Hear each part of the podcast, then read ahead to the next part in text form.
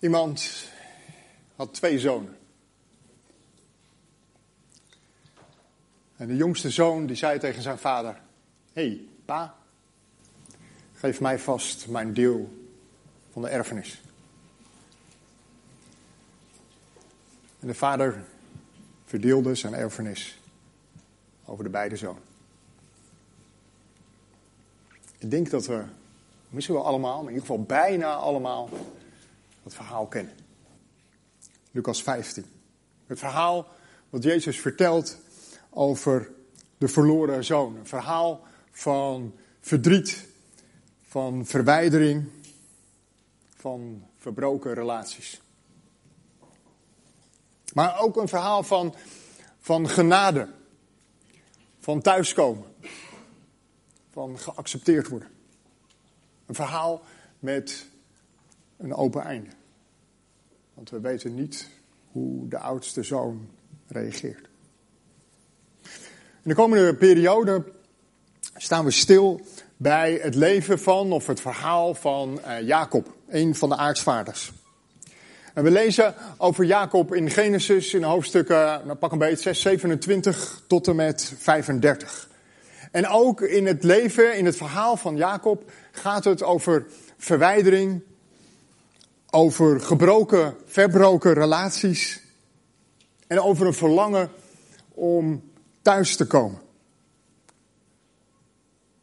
En het verhaal van Jacob is misschien wel het verhaal van het volk Israël. Het verhaal van Jacob is een bepalend verhaal in de geschiedenis van het volk van God. En misschien is het precies wel dat verhaal wat Jezus opnieuw vertelt als hij begint over die vader met twee zonen. We gaan lezen uit uh, Genesis hoofdstuk 27. We maken een begin met het verhaal van Jacob. Genesis hoofdstuk 27, de versen 18 tot en met 23. Zo ging hij, en die hij dat is Jacob, zo ging hij naar zijn vader. Vader, zei hij. Ja, mijn zoon, zei Isaac. Wie ben je? Jacob antwoordde zijn vader: Ik ben Esau, uw eerstgeboren zoon. Ik heb gedaan wat u me gevraagd hebt. Kom, ga overeind zitten, eet van mijn wildbraad en geef me dan uw zegen. Hoe heb je zo snel iets kunnen vinden, mijn zoon? zei Isaac. En hij antwoordde: Doordat de Heer uw God alles zo gunstig voor me liet verlopen. Toen zei Isaac tegen Jacob: Kom eens wat dichterbij, mijn zoon, zodat ik kan voelen of je inderdaad mijn zoon Esau bent of niet. En Jacob kwam dichterbij, zijn vader staan en deze betastte hem. Het, het is Jacobs stem, dacht hij, maar het zijn Esau's handen. Doordat Jacobs handen even behaard waren als die van zijn broer Esau, herkende Isaac hem niet en dus zegende hij hem. Eigenlijk moet je het hele hoofdstuk 27 lezen. Dat is precies de eerste opdracht voor de kringen deze week. Dus de kringen gaan deze week starten. Ik hoop van harte dat je mee gaat doen aan een kring. En dus ik doe even een promo-praatje. Uh, als je nog niet een kring hebt uitgezocht, kijk dan in de kringenfolder of spreek mensen aan. Het is zo goed om samen in een kring te zitten. En om samen je geloof te delen. Om samen te bidden met elkaar, maar ook voor elkaar. Om je leven te delen. En om ook samen in het woord van God te duiken. En een van de eerste vragen voor deze week in de kringweek is: lees hoofdstuk 27 uit Genesis. Dat is een lang hoofdstuk. Het is veel te lang om hier nu allemaal te lezen. Maar dan krijg je behoorlijk wat meer achtergrondinformatie. En eigenlijk moet je al beginnen met het einde van hoofdstuk 26. En als je dat dan leest, dan krijg je een inkijkje in het gezin van Rebecca en Isaac.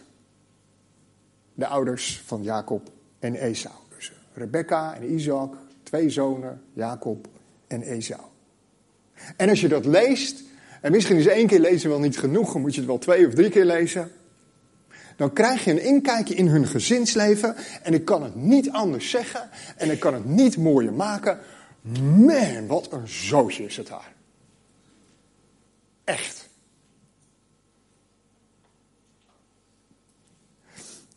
Luister, zoon Esau trouwt met een buitenlandse vrouw, wat door God verboden is en waar ouders ook wel ergens een rol in zouden moeten hebben. En zo'n Esau trouwt met die buitenlandse vrouw en dat stel is een constante ergernis, een irritatie voor ouders en schoonouders. Dus voor Isaac en Rebecca. Dat staat beschreven aan het einde van hoofdstuk 26. misschien heb je wel ervaring met ofwel kinderen of ouders die een constante ergernis zijn. Um, nee, daar ga ik verder niks over zeggen. Maar toch heeft Esau een streepje voor bij vader Isaac. En tegelijkertijd is zoon Jacob het lievelingetje van moeder Rebecca. Heb je, als, je, als je kinderen hebt, kleinkinderen. Nou, ik denk dat iedereen wel eens de vraag heeft gehad van een van zijn kinderen: nou, van wie hou je nou meer? Is dat, of zijn wij gewoon zo messed up dat wij alleen die vraag krijgen? Nee, hè? En dan als ouders nee, we houden van jullie evenveel. De een is wat anders dan de andere. En we hebben allemaal andere talenten, hebben we al gezien vanmorgen. Maar we houden van jullie evenveel. Nou, hier dus niet. Isaac is gekker op Esau en Rebecca is gekker op Jacob. Esau omdat hij zo lekker kan jagen en wild kan schieten en de liefde van de man gaat door de maag. Dus vader Isaac denkt, kom maar op met dat biefstukje. En Jacob is zacht en het lievelingetje van moeder Rebecca. En wat je verder leest, is dat de ouders niet met elkaar praten, maar ze luisteren elkaar wel af. En zo hoort Rebecca dat Isaac van plan is om zijn zegen aan zo'n Esau te geven. Want dat hoort ze. En ze denkt, daar moet ik een stokje voor steken. Nou, we kennen het verhaal. Ik ga het anders lezen deze week. Maar die ouders praten niet met elkaar. Ze luisteren elkaar wel af om vervolgens de kinderen tegenover elkaar te zetten. Tegen elkaar op te zetten. Wat dan mislukt. En Jacob uiteindelijk zijn oude en bijna blinde vader gaat bedriegen. En het verhaal eindigt ermee dat Esau erachter komt dat hij Jacob hardgrondig haat en wil vermoorden. En dat Jacob gaat vluchten.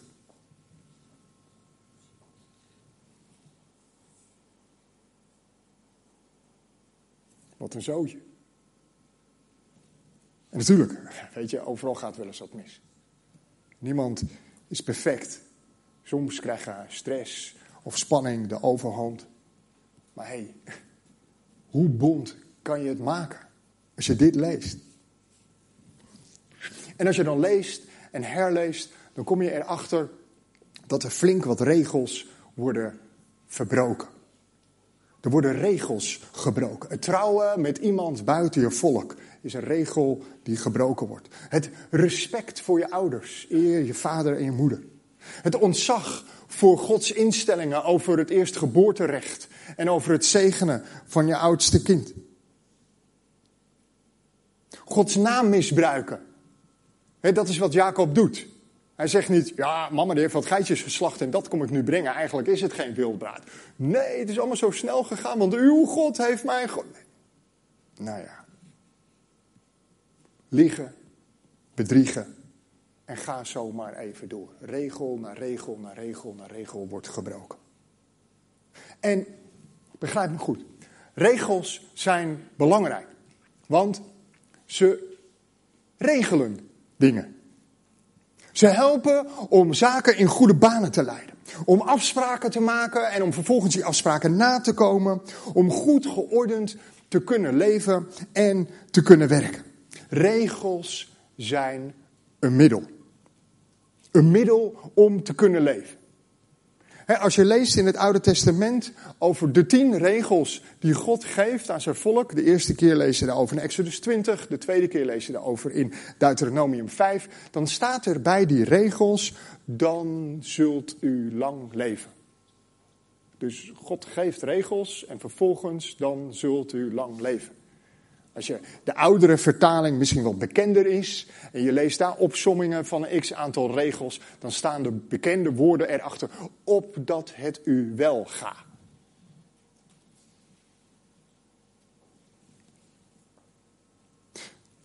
Dus regels als middel om te leven. En als er dan regels gebroken worden, dan roept dat iets in ons op. Iets van onbegrip, iets van, van kwaadheid, boosheid, iets van rechtvaardigheid. Er moeten toch gevolgen zijn. Als er regels gebroken zijn, dan moeten er gevolgen zijn. Er moet straf komen. Er moet recht gesproken worden. Wat?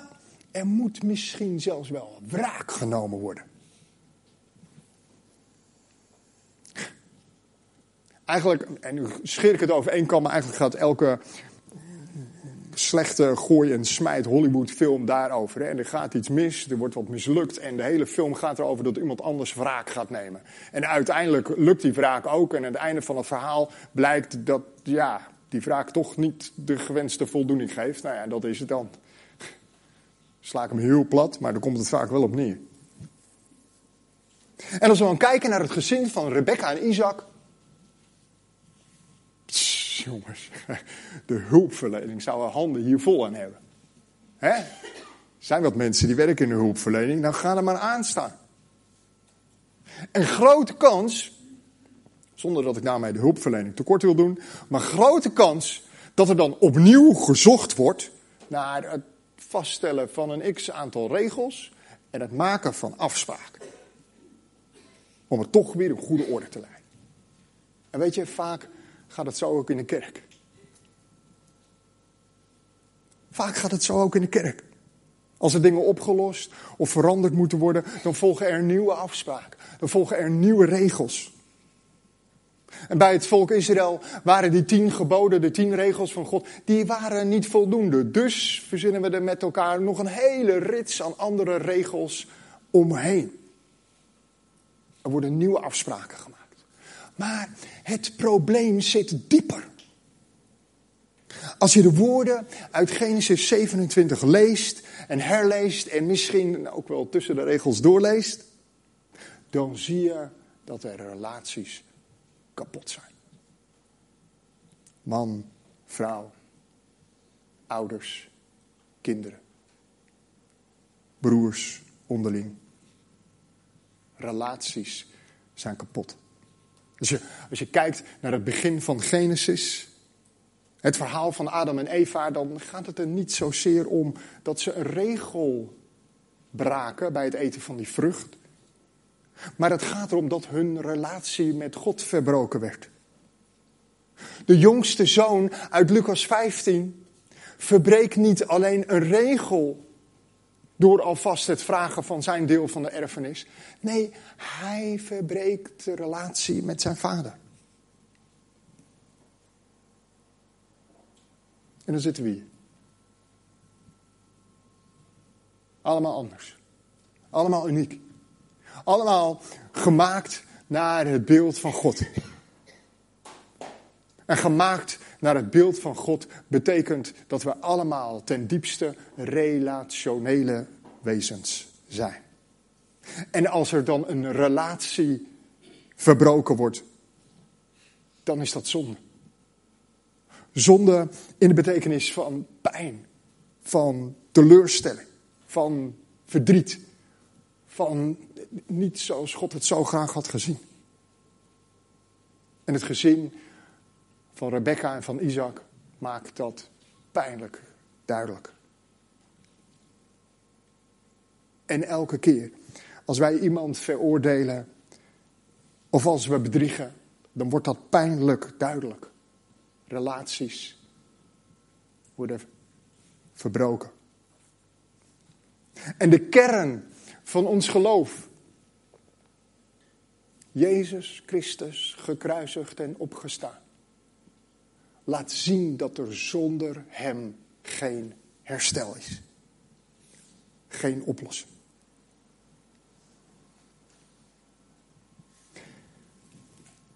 En dan is het startzondag. En dan staan we aan het begin van een nieuw seizoen. Met misschien allemaal wel ideeën, wensen, dromen. Of misschien ook wel helemaal niks. En is het gewoon een zondag zoals alle andere. Maar alleen dat we nu nog wat eten. Ik weet niet wat je verwachtingen zijn.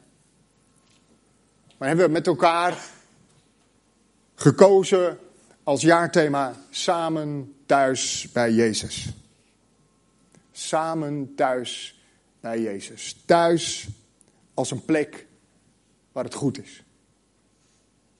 Of tenminste, waar het goed zou moeten zijn. Thuis als een plek waar je jezelf kan en mag zijn. Met al je positieve kanten, maar ook met je minder positieve kanten. En het gezin van Isaac en Rebecca laat zien dat dat niet meevalt. Hun thuis was niet een plek om tot rust te komen.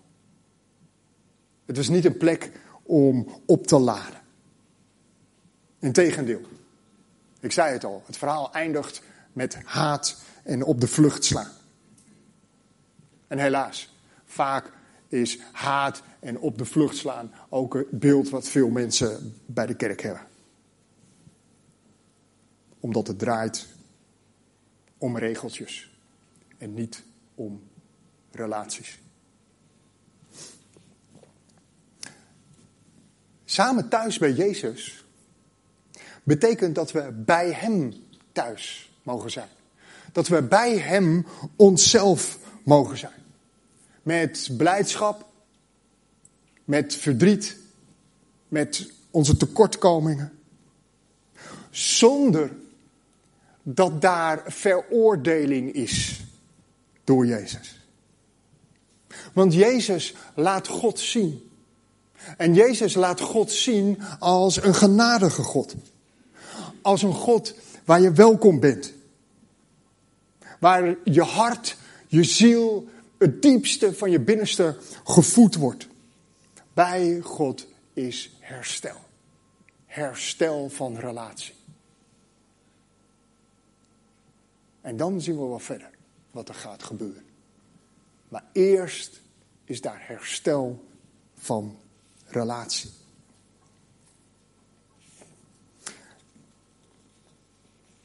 En weet je, het is mijn verlangen. En ik durf zelfs wel zo ver te gaan door te zeggen dat ik denk dat het ook Gods verlangen is. Dat wij als kerk een plek zijn waar we Hem ontmoeten. Zondag na zondag na zondag. Kring na kring na kring.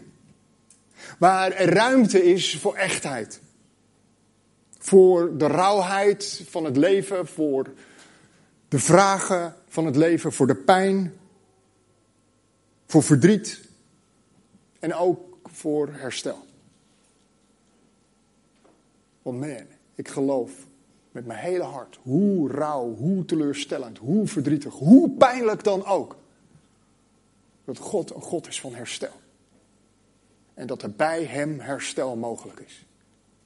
Misschien niet zoals ik dat zou willen of zou invullen met mijn menselijke tekortkomingen, maar wel zoals God dat invult. Het is mijn verlangen dat wij als kerk in onze ontmoeting met Jezus keer op keer op keer zullen ontvangen wat we nodig hebben. Waar we met elkaar de brokstukken van ons leven aan Jezus mogen geven. En ze daar dan ook mogen laten. En dat we ons niet anders hoeven voor te doen dan we zijn. En om dan daar in die aanwezigheid van Jezus maar gewoon te zijn. Niet te doen, nee, te zijn. Samen. Thuis. Bij Jezus. Ik sluit af met een verhaal. Hoe? Daar gaat hij. Oh, die heb ik niet meer nodig. Um,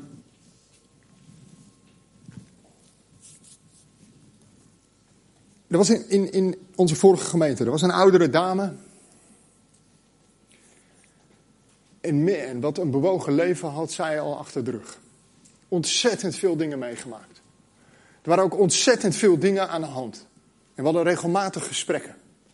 En er waren ook een heleboel andere mensen omheen die er van alles van vonden. En die ook al zonder überhaupt eh, iemand gesproken te hebben of heel kort gesproken te hebben, diagnoses begonnen te stellen van ja, maar dit moet je doen en dat is goed en daar, moet je voor bidden en dat moet je verbreken enzovoort, enzovoort, enzovoort. En we hadden regelmatig contact. Of ze belden gewoon zo eens. En ze kwam eigenlijk trouw elke zondag naar de dienst. Tot op een gegeven moment het wat langer duurde dat ik haar zag. Dat was een zondag niet, nog een keertje een zondag niet. En ik moest eens een keertje ergens anders spreken, dus dan heb je dat ook, weet je wel. denk je, nou, het zal wel aan mij liggen, ik was er niet, dus ik heb het niet gezien. Maar het, nou, begon me op te vallen. Dus ik belde haar. Ik zeg, hé, hey, ik mis je. Ja, weet je, als ik naar de kerk kom, dan zit ik daar alleen maar te huilen. En ja, dat klopt. Dat deed ze ook. Ze zat op een stoel. En ze zat echt bij, bij het, eerste lied. Zat ze al te huilen.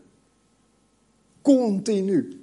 En bij elk woord wat ik sprak, zat ze al te huilen. Ik heb het gecheckt. Het was niet omdat ik zo slecht sprak. Voor de goede orde. Ze zegt, als ik daar zit, dan zit ik alleen maar te huilen. Ik zeg, so what? Ja, maar dat wil ik niet. En wat zullen de mensen wel niet van me vinden? En wat zullen ze wel niet denken? En wat, nou, een hele verhaal. Ik zeg, weet je, het interesseert me niks wat de mensen van jou denken of wat ze van jou vinden. Als jij wegblijft uit de kerk omdat je alleen maar zit te huilen, waar ga je dan zitten huilen? Juist in de kerk moet het toch de plek zijn waar jij jezelf kan zijn en waar dat mag. Waar dat moet kunnen. Oh, is dat zo? Meen je dat?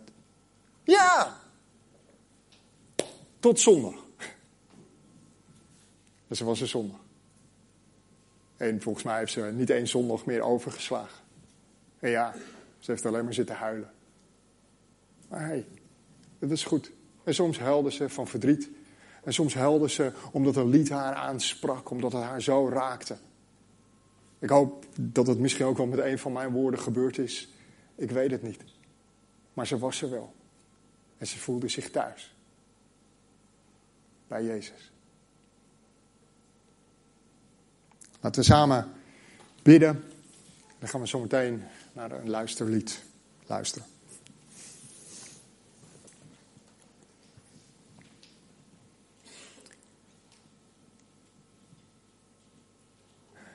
Vader in de hemel.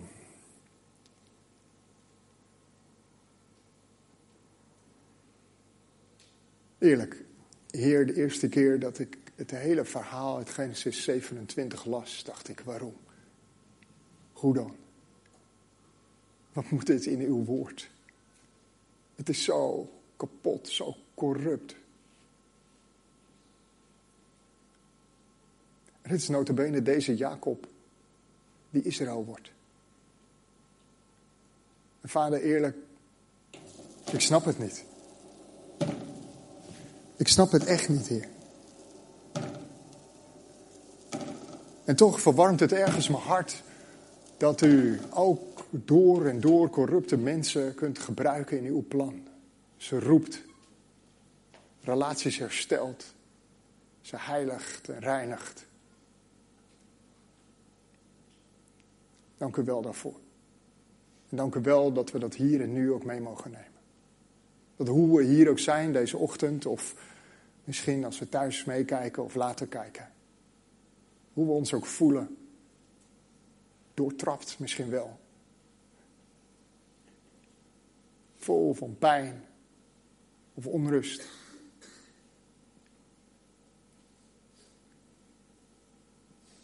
U roept ons. En we mogen bij u zijn.